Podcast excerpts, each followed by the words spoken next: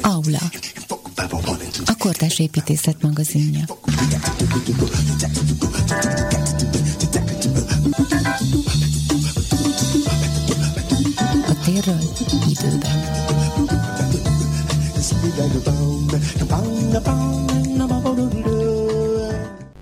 Amikor a biológusok le akartak írni egy természetes rendszert, mondjuk egy erdőt, akkor eleinte leírták azt, hogy ott mit látnak.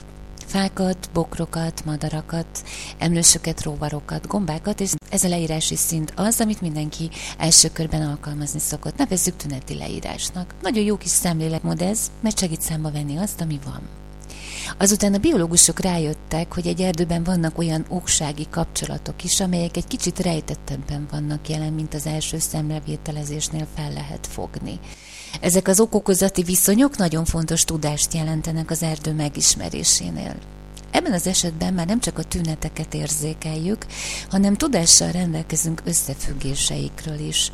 Ennek a látásmódnak a neve legyen az, hogy okokozati szemléletmód. Sokan ezt már rendszerelméletnek nevezik, de azért itt még nem tartunk. A biológusok ezután azt tapasztalták, hogy még ezzel az újabb szemléletmóddal sem lehet leírni mindent, mert egy élő rendszer nem írható le lineáris folyamatokkal. Itt oda és visszahatások vannak, körkörös ciklusok, ezek pedig megszámlálhatatlan módon kapcsolódnak egymáshoz. Ekkor alkották meg az úgynevezett ökoszisztéma fogalmat, amivel kísérletet tettek arra, hogy ezt a bonyolult rendszert, amit egy erdő jelent a maga teljességében leírják ezeket a gondolatokat Zalatnai Lászlótól olvastam, az valahogy így érzem én is magamat most, amikor erre az adásra készülök. Induljunk el hát közösen együtt ebben az egyszerű, de mégis végtelenül összetett rendszerben közösen. Az ökoszisztéma tulajdonképpen több értelemben is használt. A hazai ökológiai szaknyelben az ökoszisztéma az ökológiai jelenségek értelmezése és vizsgálata céljából létrehozott rendszermodell. Azonban a nemzetközileg elfogadott meghatározás szerint társulás, biocenózis és az élőhely, ez az a biotóp együttese között. Maradjunk át ennél a meghatározásnál, és, és értelmezzük ezt szerint a szalmát. A szalmát, ami lehet rizs, vagy búza, de mindenképpen a szemes termés után visszamaradó szál. Az, hogy fűtésre vagy tetőfedésre nagyon jól használható, vagy esetleg kosarat is készíthetünk belőle, ezt már régóta. A szalma fűtőanyagként való használata leginkább Dániában terjedt el, a skandináv országok világelsők a szalma energiahordozóként való hasznosításában. 2013-ban több mint 5 milliárd kilovattáramot termeltek már szalmával, amely több mint 15%-át adta a villamosenergia felhasználásának. Na de hogy jutunk el a szalmától az építészetig, és szalmától az ökoszisztémáig? Hát pont ez lesz a mai adásunk témája. Szalmából házat építünk ma, lehet rizs, búza, rozs, éghetetlen és vízbiztos házat készítsünk. Szalmabála építészet. Ez az aula mai témája. Vendégem pedig Zalatnai László, a téma magyarországi szakértője. Kezdjünk is bele. Hogyan tudunk szalmából házat építeni közösen?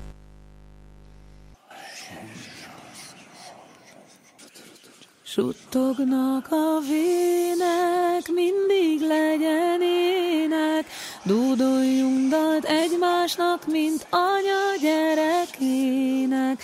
Repüljön az ének, zendüljön a lélek, Hangunkat a dalnak adjuk, hajunkat a szélnek. Hangos már az ének, búcsúznak a vének, a folyónak túlpartjáról vissza sose térnek.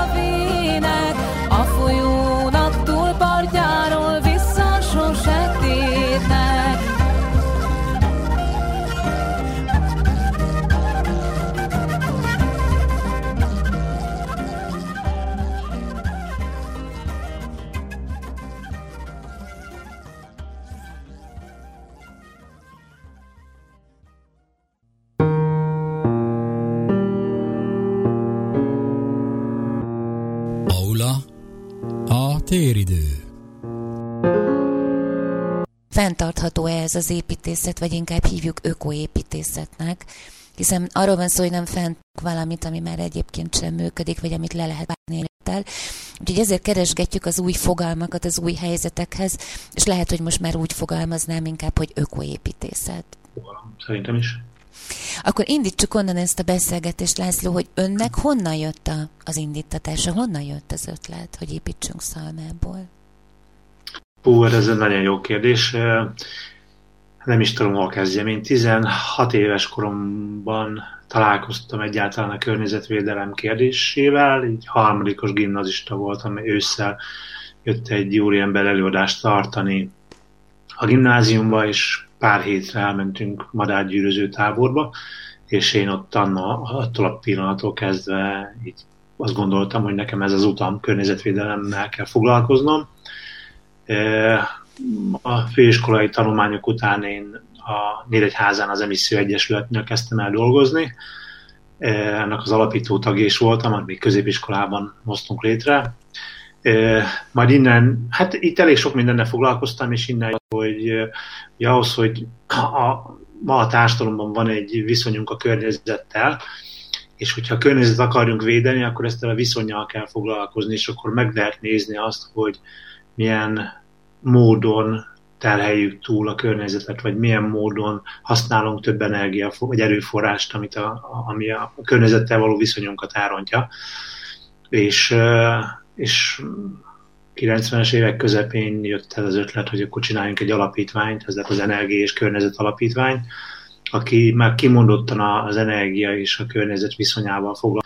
És akkor tulajdonképpen mi a szalmabála építészettel úgy kerültünk kapcsolatba, hogy 2000-ben Sárospatakon volt egy barátunk építkezett, és elhívott, és hát ez az épület már szalmaház, szalmabálaházként készült el, egy ilyen hibrid szerkezet, tehát egy váz szerkezet, egy faváz szerkezet volt, de a szalmának is volt valamekkora statikai szerepe. És hát korábban az alapítvány az környezetneveléssel foglalkozott leginkább, de aztán 2000-es évek után elkezdtük ezt a szalmabála építészetet jobban megérteni, megismerni, csináltattunk tűztesztet, hát elmentünk az EMI laboratóriumba, és csináltunk egy tűztesztet, aminek az eredményeképpen kijött, hogy egy vakolt, két oldalt vakol, agyaggal vakolt szalma fal az 1000 Celsius fok hőmérsékletnek kitéve legalább 45 percig ellenáll ennek a hőterelésnek. Ez lett, ez lett a vizsgálat eredménye. Illetve elkezdtük megnézni ezt, hogy Magyarországon milyen jogi háttere van, milyen szakember háttere van ennek a, ennek a, a technológiának, mit tudunk róla, hányan foglalkoznak egyáltalán a kivitelezési oldallal, és akkor hát igazából az első ilyen tíz év ez, ezzel telt el, és 2012-ben volt egy nagy fordulat, akkor nyáron így gondolkoztam, hogy mi történjen, és akkor a Facebook, sok ismerős mondta, hogy a Facebookon érdemes valamit csinálni, és van Barabási Albert Lászlónak a, a hálózatépítési tudománya illetve több ilyen volt, és mondtam, akkor, akkor nézzük meg, mit tud ez a hálózat. És akkor három-négy hónapig én minden nap töltöttem három-négy képet Szalmabála építészetről fel egy Facebook oldalra, a Szalmabála építészet Facebook oldal, és akkor néztem, hogy mi történik, hányan osztják meg, tényleg működik ez a, ez a háló, kapcsolati hálózaton keresztül való ismeretterjesztés, és nagyon érdekes, mert őszre tehát 2012. októberére meg megérkezett az az igénye ebben a Facebook oldalon, hogy ezt akarja megismerni, megérteni, megtanulni, és hogy van-e képzés Magyarországon talbára építészettel kapcsolatban, és hát nem volt senki, aki tartotta. Ugye én nem vagyok építész, én meliorációs üzemmérnök és környezetgazdálkodási szakmérnök vagyok, tehát nem vagy, nincs közem így szakmai szempontból az építészethez. És hát igazából azt vettem észre, hogy ha nincs ennek képzése, akkor ezt próbáljuk meg megcsinálni. És akkor meggyőztünk néhány építést, az egyik kollégámnak pont akkor készült el a Szalma háza itt Nyíregyházán, Roson, ilyen félkész állapotban volt, ugye előtte nagyon sok rendezvényen ismertettük, vagy mutattuk be a szalmabála építészetet, és akkor, amikor a kollégámnak oda került az élet helyzete, hogy építkezni kell, ez a 2010 körül, akkor ő már azt mondta, hogy nem tudja elképzelni más, mint hogy szalmabálából építkezzen. És akkor ő megvette egy régi vályokházat, azt leszigetelte és épített mellé még egy szárnyat, egy egy szárnyat, úgyhogy ezen a házon az utólagos hőszigetelést és az új szerkezetet is meg lehetett e, ismerni. És akkor 2012, azt hiszem október 16-án mondjuk meg volt az első Magyarországon, amit mi szerveztünk, itt a Nyíregyházán Oroson, és utána így nagyon megnőtt az igény erre, úgyhogy utána kitalálva kétszer-háromszor elméleti képzést tartunk, és néhány alkalommal gyakorlati képzést. Mert hogy elég sok mindent meg kell ismerni a szalma, szalmaságairól először, eh, ahhoz, hogy jó házat építsünk. Mert tényleg nagyon jó anyag, de ahhoz, hogy jó ház épüljön, az egy csomó minden kell.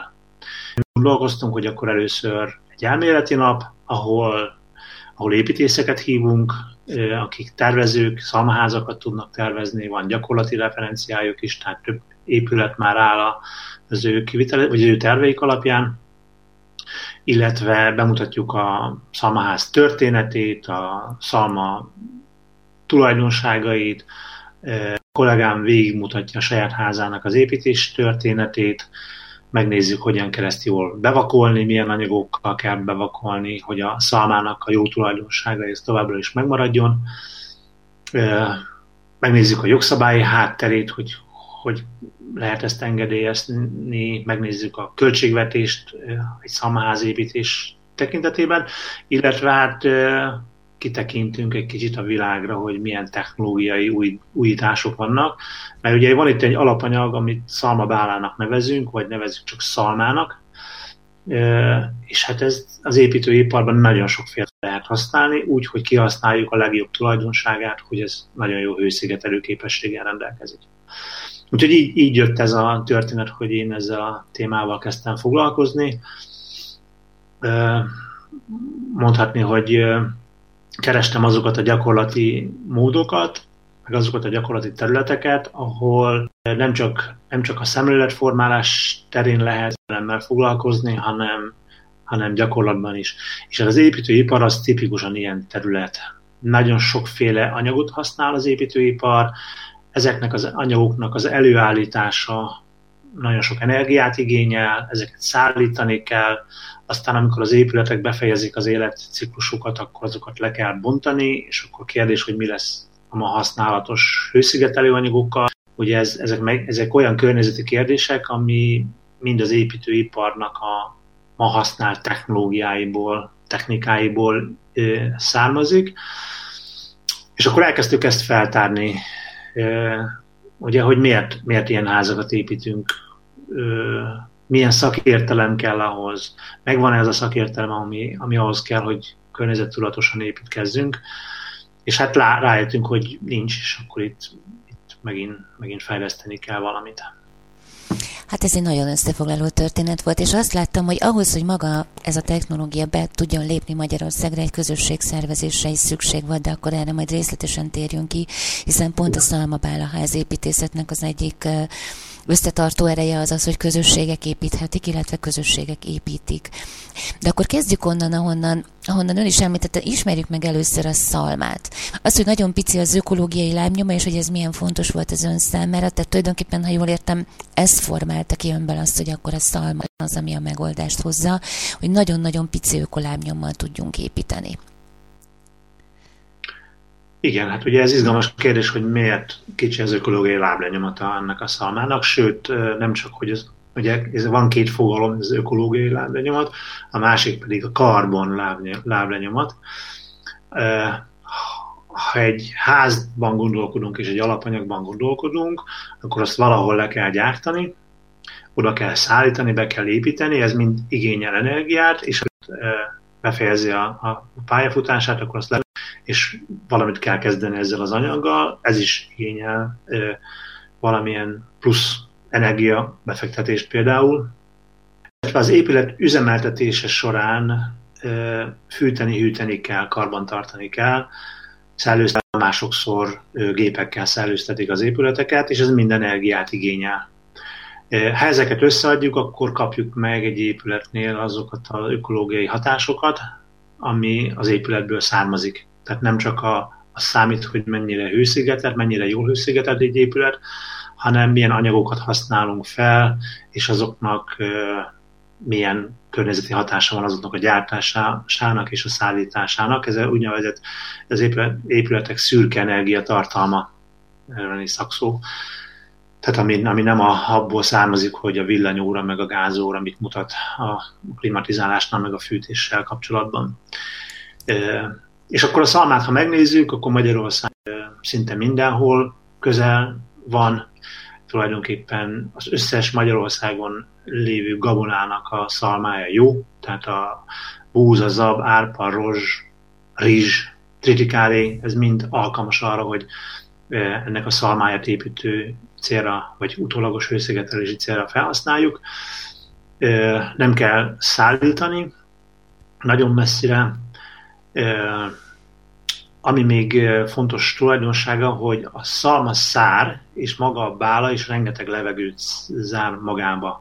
Illetve a szalmának az anyaga, az cellulóz és lignin. Tehát a cellulóz sem egy jó hővezető anyag, és az a rengeteg levegő is, ami benne van a, a bálában is tulajdonképpen ettől jó hőszigetelő anyag. Illetve van még egy nagyon jó tulajdonsága, ez a pára áteresztő képessége. Erre oda figyelni, ezért sem mindegy, hogy mi, milyen anyaggal vakoljuk be a szalmaházakat, vagy a szalmaszigetelést, mert ebben az anyagban a levegő párája, a nedvesség ki tud szellőzni bentről. Ez főleg ősszel érdekes, illetve ugye ott érdekes, hogyha bemegyünk télen, ősszel, akkor a benti relatív páratartalom megnövekszik egy épületen belül, és a pára olyan, hogy elindul akkor kifelé, mert ott alacsonyabb a páratartalom.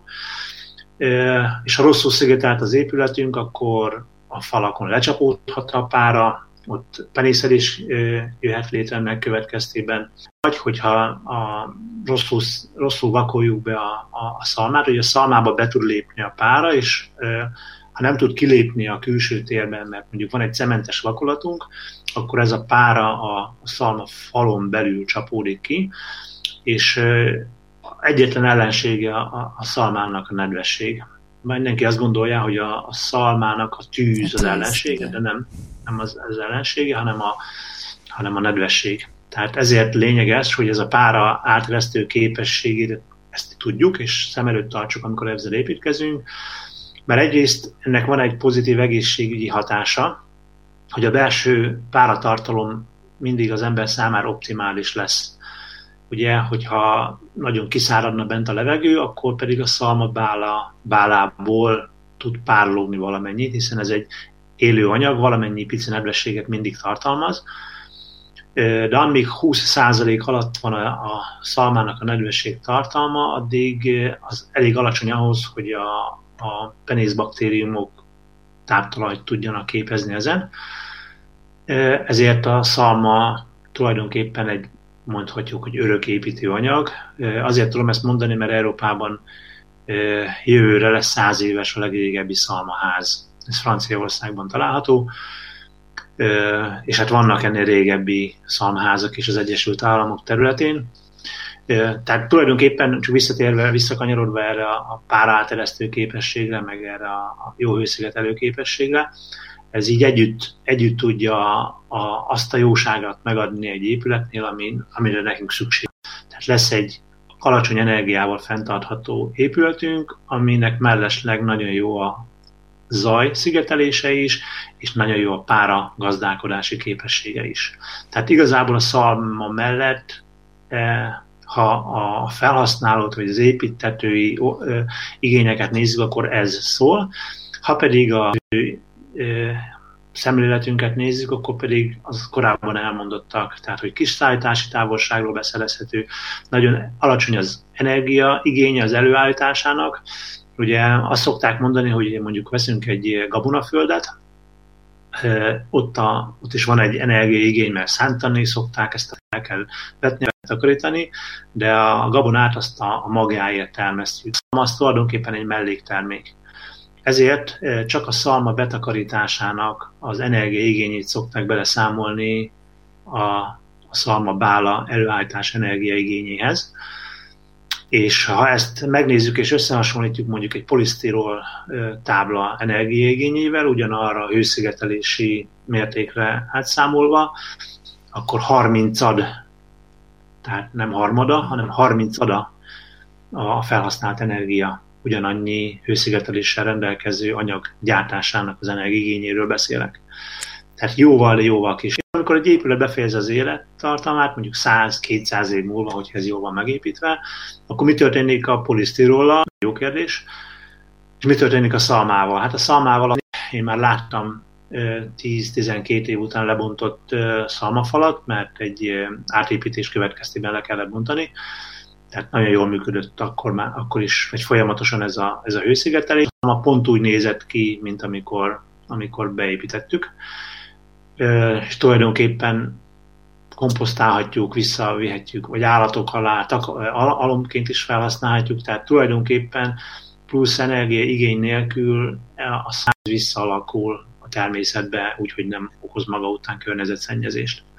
És akkor ezeket összeadjuk, akkor ebből jön ki az, hogy alacsony az ökológiai láblenyomata, és ugye ez a karbon láblenyomat még azért érdekes, mert maga az anyag, ahogy előáll, azt tudjuk, hogy a növények fotoszintézise során jön létre, ami azt jelenti, hogy a levegő széndiokszidját kötik meg. Tehát ha valaki a, egy épület életciklus alatt nézi, hogy mennyi a üvegházhatású gáz kibocsátása, akkor a szalmaházaknál gyakran azt látjuk, hogy negatív. Hm. Az azt jelenti, hogy a, a szalma szárt tud megkötni, mint amennyi energia vagy széndiokszid kibocsátás történik az épület fűtése során. Tehát ezért tud pozitív lenni ebből a szempontból. Ez nagyon fontos ez az adat, amit ön mondott, de hogy a házakról beszélt, azt éreztem, hogy a szalmabála építészetnek van egy olyan szellemisége, ami egyébként a hagyományos építészetben egyáltalán nem jelenik meg. Tehát a, egy téglaház esetében ugye kompenzáljuk, kompenzáljuk azt, hogyha a páratartalom nem megfelelő, nem figyelünk oda arra a, lég, tehát a hőmérséklet ingadozásokra, a légátteresztésre, és csomó olyan szempontra, amit ön most a szalmabála építészet kapcsán nekem felsorolt, és ami benne van a szalmabála építészetnek a struktúrájában, a szerkezetében van benne. Ez már önmagában véve is nagyon érdekes volt. Ebből áll össze gondolom az, hogy általánosabb kifejezéssel élve úgy hívjuk a szalmaházakat, hogy a lélegzőházak. Igen, bár ugye úgy nem lélegzik, mint az élőlények, de igen, tehát van egy ilyen pozitív hatása. Ez egy nagyon érdekes maga használjuk, hogy hagyományos építészet, mert ma már a, téglát, a betont az acélt, az üveget tekintjük hagyományosnak Igen. idézőjelbe, holott van egy ennél is korábbi hagyományos építészet, amiben persze a tégla is benne volt, de benne volt a vályok nagyon elterjedt mértékben, meg a fa. Tehát az, hogy az ember mióta házakat, hajlékokat épít magára, tulajdonképpen a környezetében lévő anyagokat használja fel, és mondjuk egy vályogépületnél ugyanez a pozitív páragazdálkodási tulajdonság is megtalálható. Ugye a vályog az, az azért más egy szalmához képest, mert ennek a tömege sokkal nagyobb, illetve a hő vezető képessége is jobb. Ezért a vályog házak jobban ki tudnak ülni, ahhoz több energia kell azoknak a fűtéséhez, mint egy szalmaházhoz. Ezért mi azt szoktuk mostanában javasolni, ezen a klímán az az egyik legjobb választás, hogyha valaki épít egy mondjuk egy favázos vázszerkezetet, a faváz belső oldalát vályogtéglával kell kitölni, vagy kitölteni, kívülről pedig egy szalmaszigetelést kap, akkor ebben az esetben a vályognak a jó tulajdonságai nem vésznek el, sőt megmaradnak, hiszen ez egy nagy tömege révén egy komoly hőtároló rendelkező anyag, ami le van kifelé szigetelve szalmával. Ezért az épület lehet úgy is, nevez, úgy is uh, vizsgálni, hogy ez egy lusta épület, azaz, hogy a külső környezeti hőmérséklet változására lassan reagál. Most felmegy kint a levegő hőmérséklete, vagy a külső hőmérséklet, akkor a vályog ugye tartja a hűvöset, nem a hűvöset tartja, csak sok idő kell, mire felmelegszik, Ősszel viszont megfordul ez a helyzet, és hiába van kint gyorsan hideg, egy olyan épület, nagy tömegű anyag, kő, az lassan hűl le. Nyilván, ha hőszigetelést még pluszban megkapja, akkor ez a lassúság még inkább lassú lesz, tehát volt, volt olyan tapasztalatunk, gyakorlati tapasztalatunk ilyen szaval, ahol ez a szerkezet volt, hogy belül vályog, vagy kő, kívül szalma, hogy télen fűtés nélkül naponta egy fokot tudott csökkenni a belső hőmérséklet, mikor, akkor, amikor mínusz tizek voltak kint. Hmm illetve van egy másik megfigyelésünk, hogy fűtés nélküli szalmaházban soha nem ás. Tehát mindig plusz, valamikor plusz 10 fok volt a leghidegebb téli hőmérséklet egy olyan házban, ami, ahol sok bájogtégla volt beépítve, és kívülről, illetve a födém is szalmával hőszigetelve. És akkor ez azt mutatja, hogy ezek az épületek elég nagy biztonságot jelentenek azoknak, akik ebben élnek, vagy ilyenben élnek, mert hogyha már a, a jó hőszigetelő képességét nézzük, akkor tulajdonképpen az a, az a hő, amit mi ilyen metabolikus hőnek nevezünk, amit mi bocsájtunk ki, akkor már az is elegendő, hogy néhány fokkal még megemeljük a belső levegő hőmérsékletét. Tehát a, a hőérzetünk nagyon jó, illetve hát nem nagyon lehet megfagyni egy ilyen épületben, akkor, hogyha mondjuk valamilyen havária történik, és két-három napig nincsen energiállátás. Hm, ez is nagyon-nagyon érdekes, amit mond. Igen, ezt olvastam én is Szalma Bála ház lakóitól, hogy a saját hőjükkel képesek voltak 56 egy szobának a hőmérsékletét megemelni. Tehát, hogy mintha erre is vigyáznak. Igen, igen. Azért fűtés nem váltja ki, de, de, de alkalmas arra, hogy igen. Tehát, hogy a, ha valamilyen külső vészhelyzet van, akkor, akkor jól működjön az épület. Megálmodtunk egy kastélyt, berendezve nappal ését, erős képzelő erő. Hogy a téglákat kéz nélkül nézd, magától hogy épül, és padlóján folyton csúszkál az idő.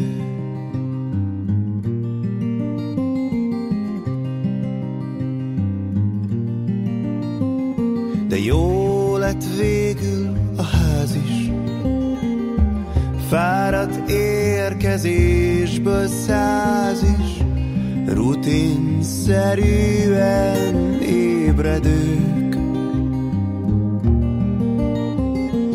Lakói a városnak lám, ez mindenkori harc, talán lehetünk még éjjel győztes hazatérők.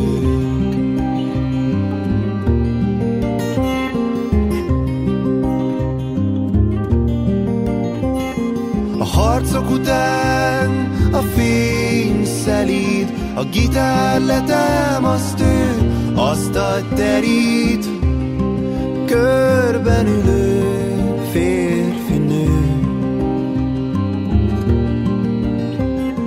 Kettőnk elcsordultik teli pohár, józan az elme, a szív diktál és álmaink helyén. Most mi ülünk, látod a ház megén, benned, mint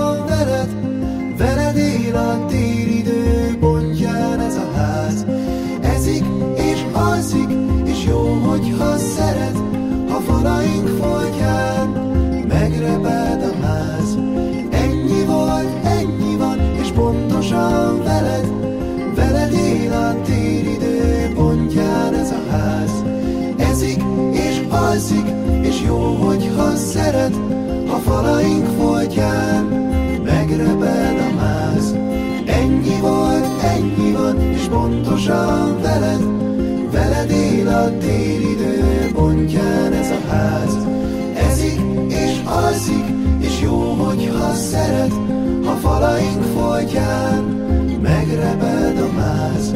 Ennyi volt, ennyi van, és pontosan veled, veled él a téridő pontján ez a ház. Ezik és alszik, és jó, hogyha szeret, ha falaink folytján megreped a máz. Ennyi volt, ennyi van, és pontosan veled, veled él a téridő pontján ez a ház. Ezik és alszik, és jó, hogyha szeret, ha falaink folytján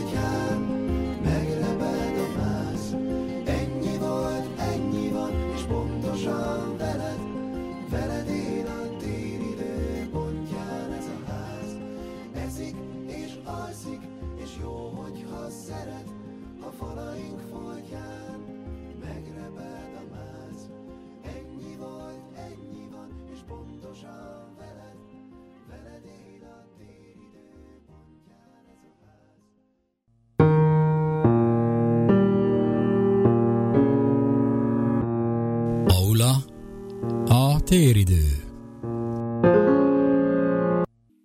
Ugye, hogy én hagyományosnak neveztem valóban ezt a modernkori építést, de akkor hívjuk modernkori építészetnek, annál ezek nem szempontok, tehát mindig eszközökkel váltottuk ki, vagy eszközökkel próbáljuk helyettesíteni. Itt van gondolat a páramentesítőig számos dologra, hogy növeljük még a radiátorok számát, páramentesítőket helyezzünk el, mert száraz a levegőnk. Tehát amire maga az építészet technológiailag nem gondol, az, mint hogyha a szalmaház enne. Igen, illetve ma a technikában, a technológiában van egy szemlélet, ami arról szól, hogy van egy probléma, akkor azt a problémának a tünetét próbáljuk megoldani. Ez egy ilyen tüneti kezelés. Mhm. Sok a pára, akkor rakjunk be páramentesítőt.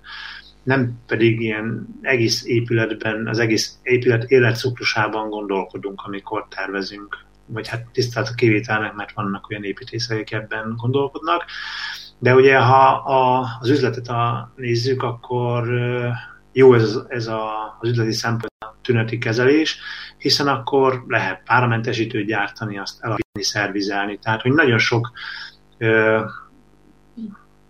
forrása lehet ez a vállalkozásoknak, ö, és ezért is terjednek ma el. Ha megnézzünk ma egy ilyen kiállítást, ahol környezettudatos építészetről beszélnek, akkor a kiállító 90%-a valamilyen technológiai kütyűt értékesít, ami egy-egy problémára próbál meg egy olyan választ adni, amit egy picit talán jobb, mint a korábbi, picit kevesebb energiát fogyaszt mondjuk el egy hőcserélő berendezés, vagy segít a, a, a, a energiaveszteségét csökkenteni. Ez mindig az, csak amikor a teljes életciklust nézzük meg, hogy ezek a berendezéseket le kell gyártani, az mennyi energiát fogyaszt el, hogy tudnak elromlani, szervizelni, akkor már nem biztos, hogy a ökológiai mérleg az pozitív lesz. Bár a szándék az azt mondjuk, hogy nem van, tehát ez, de lehet, hogy ez csak egy marketing fogás, mert hogy azt lehet látni, azt lehet tapasztalni, hogy ma már egyre több ember érti meg, hogy a mindennapi viselkedésünk, hogy az, hogy milyen döntéseket hozunk például egy ház kapcsolatban, annak igenis van hatása a jövőre, akár a környezeti szempontból, akár gazdasági szempontból, akár társadalmi szempontból nézzük, és látszik, hogy a, a, a természetes alapanyagokhoz egyre nagyobb érdeklődés társul a, a, az építetői oldalról. Az egy másik kérdés, hogy a kivitelezői oldalról, az anyaggyártási oldaláról, a technológiai felkészülésről ez a felkészültség rendelkezésre áll-e. Most még nem, szerintem.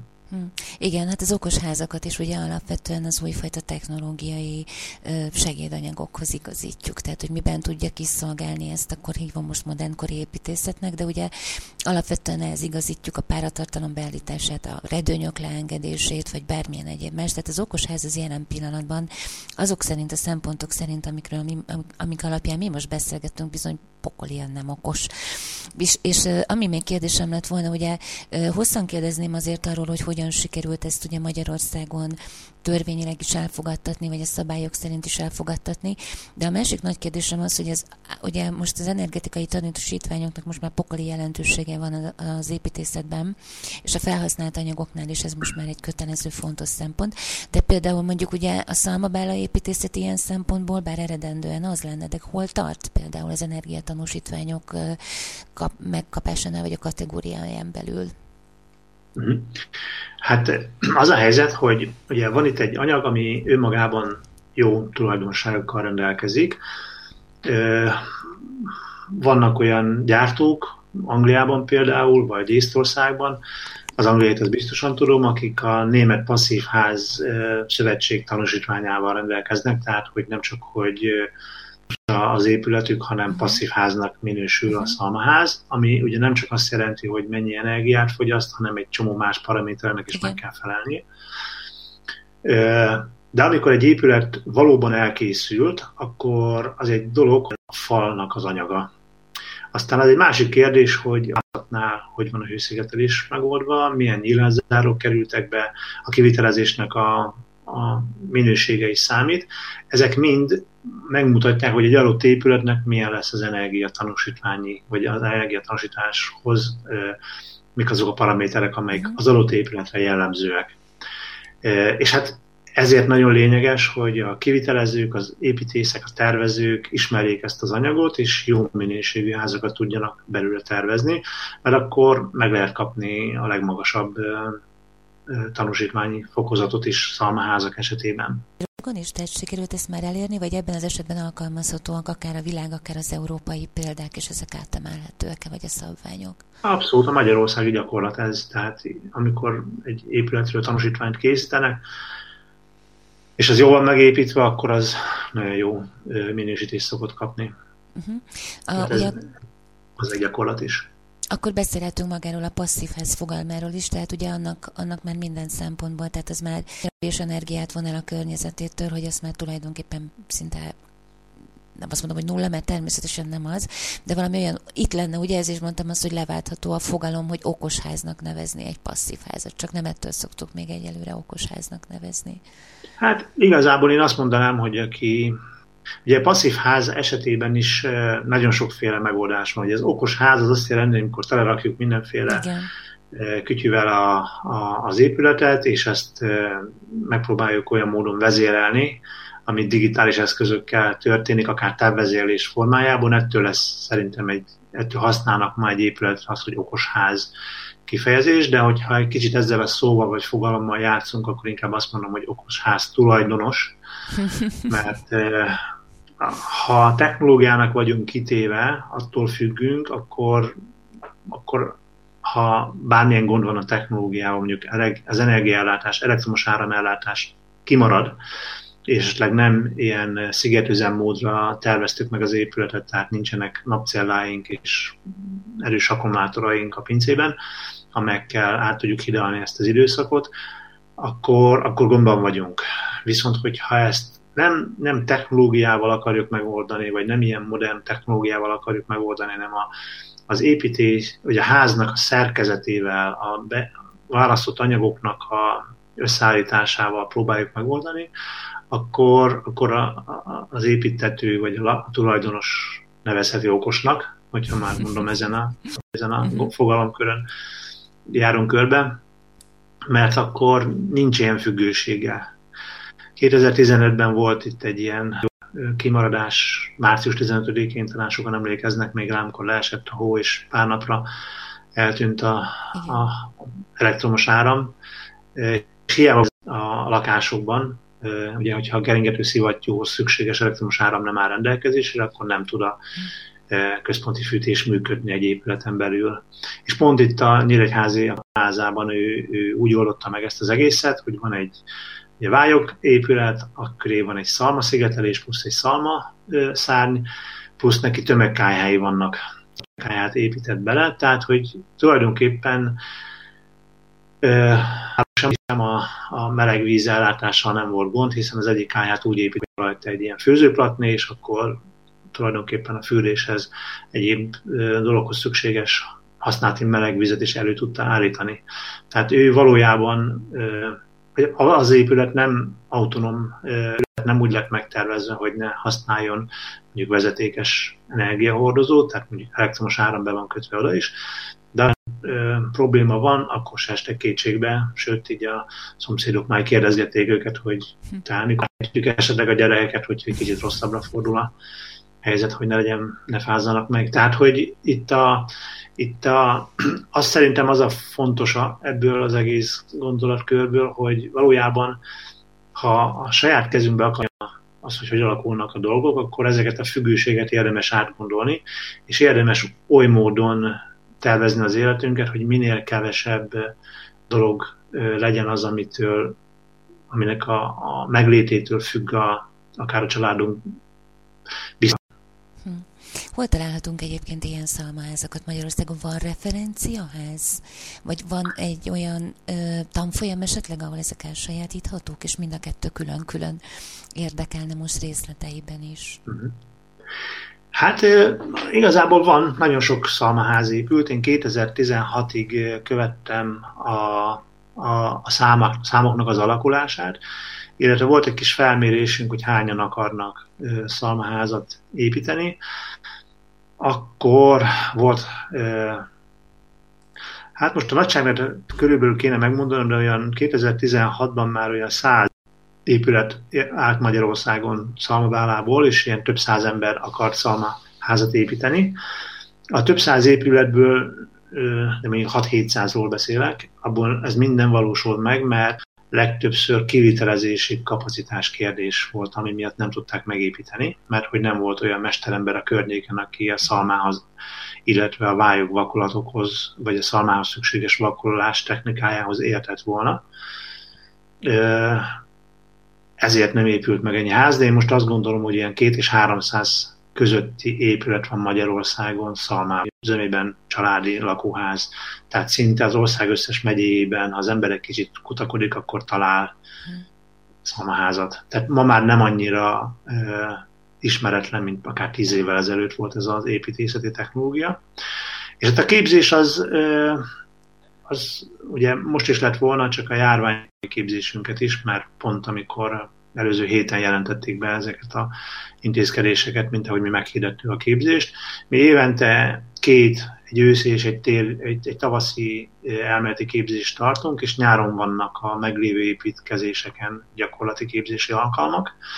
De ezen kívül még van több műhely Magyarországon, akik, akik foglalkoznak szama építészet oktatással. Magyar Szama, Magyar Szama Bála Építészet Egyesület, vagy a Környezettudatos Építők Szervezete. Itt több olyan szakember van ezekben a szervezetekben, akik értik, tanítják a szamház építést, sőt, nagyon sok építész van ma már, aki meg tud tervezni, gyakorlattal rendelkezik a szalmaházak építése, vagy tervezés. Úgyhogy ha valaki akarja ezt megkeresni, akkor nekünk is van egy honlapunk, ide várjuk egyébként a regisztrációját azoknak, akik tervezés, kivitelezés, művezetést vállalnak, ez a szalmaválaépítészet.hu oldal, és hogyha valaki keres magának szakembereket, akkor itt meg is talál jó néhányat közülük. És hát a referenciákat pedig a, ők fogják elmondani, hogy hol vannak. Mi azért nem hozzuk nyilvánosságra azokat az épületeket, amiről tudunk, mert hogy ott családok élnek, hmm. és az nem lenne jó, hogyha így csak bekapognának hozzájuk, hogy jaj, jó, de jó, tudjuk, hogy ez szalmáz is megnézhetjük-e, meg kipróbálhatjuk-e. És akkor, hogyha valaki esetleg nálunk érdeklődik, akkor szoktam olyat csinálni, hogy megadom a környéken lévő háznak a tulajdonosának az érdeklődő címét, és akkor ha akkor felvehetik a, egymással a kapcsolatot. De hogy még ilyen bemutató ház, az még úgy tudom, hogy nem nagyon van Magyarországon, vagy csak egy-egy elvétve, ahol, ahol, ahol meg lehet nézni. Debrecenben tudok egy ilyen épületről, ami egy ilyen ipari jellegű épület, tehát egy vasbeton szerkezet, nagyon érdekes, hogy vasbeton szerkezet építettek, és az van szalmával szigetelve. Tehát egy kicsit az ipari és a, a, a, természetes anyaghasználat ötvöze, ötvözete lett ez az épület. Nekünk is volt egy néhány éve tervünk különböző ilyen pici házaknak a létrehozására. Van egy ilyen max 40 Fantázia nevet viselő koncepcióépületünk, ez egy pici 40 négyzetméter alapterületű, földszinti alapterületű épület, aminek van még egy 20 négyzetméteres terültérbeépítése. Ezt szerettük volna megépíteni közösségi finanszírozással, csak ez nem sikerült végrehajtani. Úgyhogy jelenleg csak a tervek találhatóak meg.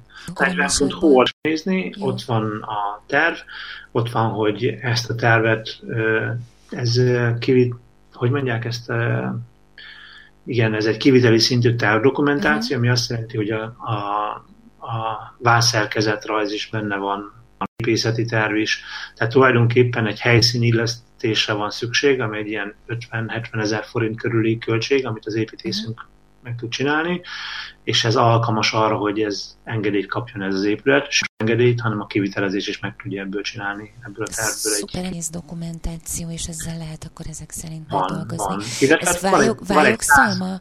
Tehát vályog és, szalma, vályog és szalma?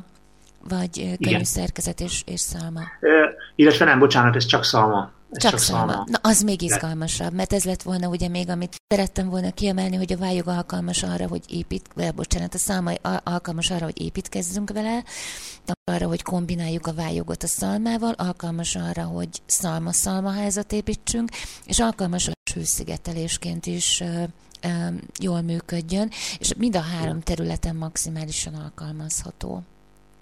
Mondom, leginkább a, a, ami hiányzik, Magyarországon a kivitelezői kapacitás. Tanulni kell ezt a szakmát még.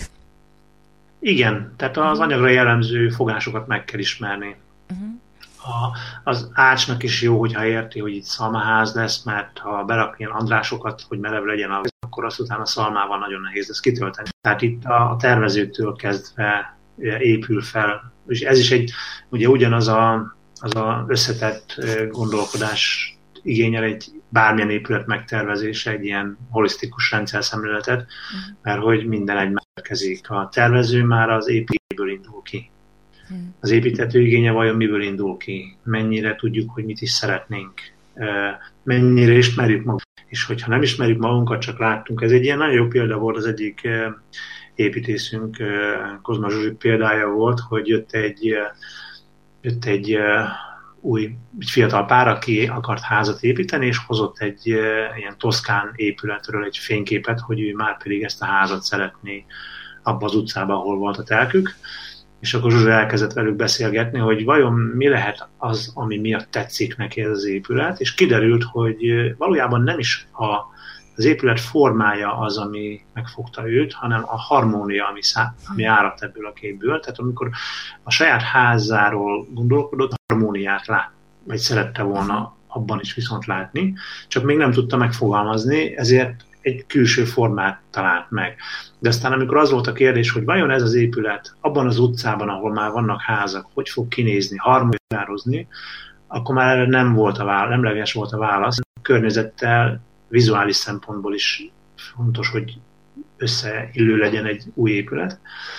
És akkor pont az, hogy volt egy de hogy ha azt megépíti, tehát hajlamos arra, hogy a, ugye a megrendelő szava szent, akkor megépítjük azt, amit ő szeretne, vagy megtervezzük, amit ő szeretne, de akkor pont az a alapfunkció, hogy ez egy harmóniát sugázó épület legyen, az sérült volna. És akkor ezt ehhez kell ahhoz, az, hogy egy olyan építéssel legyen dolgunk, aki azt mondja, hogy jó, mik a valódi igényeink, és ez két ehhez kell egy kis önismeret e, egyébként. És akkor utána, ha ez megvan, akkor az építész, az ő tudás, az ő szemlélete, kivitelezők, mert általában egy épület kivitelezőre van szükség, kőmesek, ácsok, tetőfedők, villanyszerelők, gépészek, tehát nagyon ablakosok, tehát hogy nagyon sok, vagy asztalosok, tehát nagyon sok szakembernek az együttműködésére van szükség, és hát ezeken sok, sok részlet van, ahol, ahol jó tud lenni egy épület, és sok ponton el lehet rontani egy-egy épületet. Hát ezért egy izgalmas szakma, és ezért kell nekünk műszaki ellenőrt fogadnunk többek között, mert ő az, aki az építetőt képvisel az építés során. És ez, ezt nem érdemes megspórolni. Ha felépül végül a házunk, dum, bármikor vendégül látunk, dum, ha este jössz, megvacsorázunk, és nyugodtan elalszunk.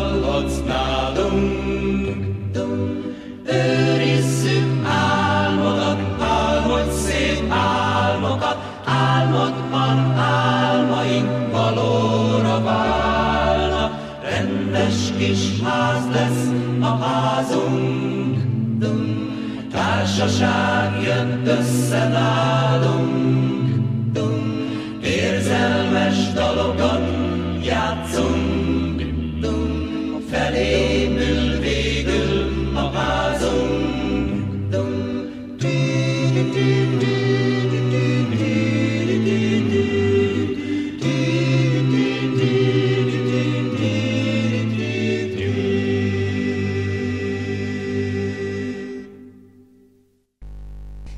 Ennyi fért a mai aulába, a Civil Rádió Kortás építészeti műsorába.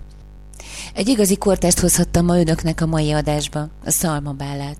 A szemünk előtt él és nő naponta, lehet rizs, rozs, búza. És ha van kortása a mai hazai építészetnek, akkor ez lehet az.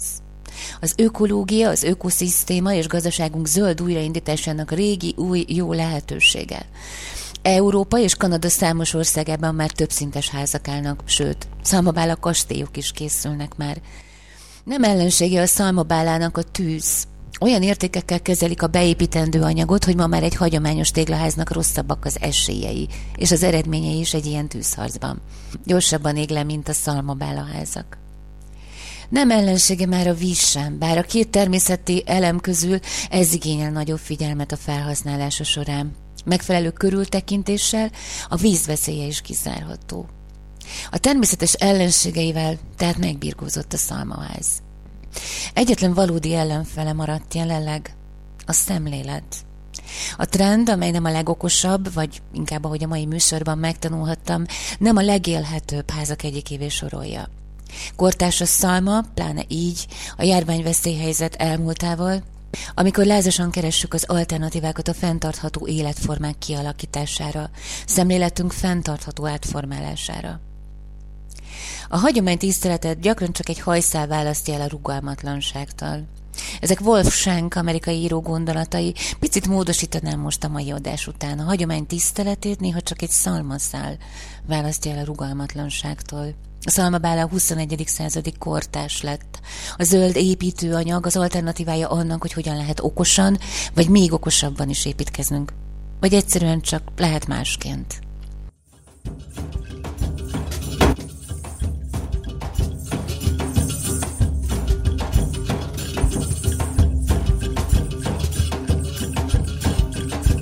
Önök az aulát hallották, a kortást, az építészet műsorát itt a Civil Rádióban. Mai vendégünk Zalatnai László, az Energia és Környezet Alapítvány elnöke, a hazai Szalmabála építészet elismert szaktekintéje. Ne higgyenek nekem, én még keveset tudok erről a területről, de higgyenek neki, nézzenek és járjanak utána a lélegzőházaiknak, kutakodjanak, és hagyják magukat meggyőzni, ha már csak egy szalmaszál hiányzik a döntéshez. Vázolt Helgát hallották a mai műsorvezető szerkesztőt, technikai segítőim és zenei szerkesztőim ma is nagyszerű Horváth Gábor és Márkus Máté voltak. Együtt készítettük Önöknek a mai műsorunkat, ahol a jövő héten kedden délelőtt 11 órától, ugyanitt a Civil Rádióban. Tartsanak velünk akkor is! Suttognak a vér.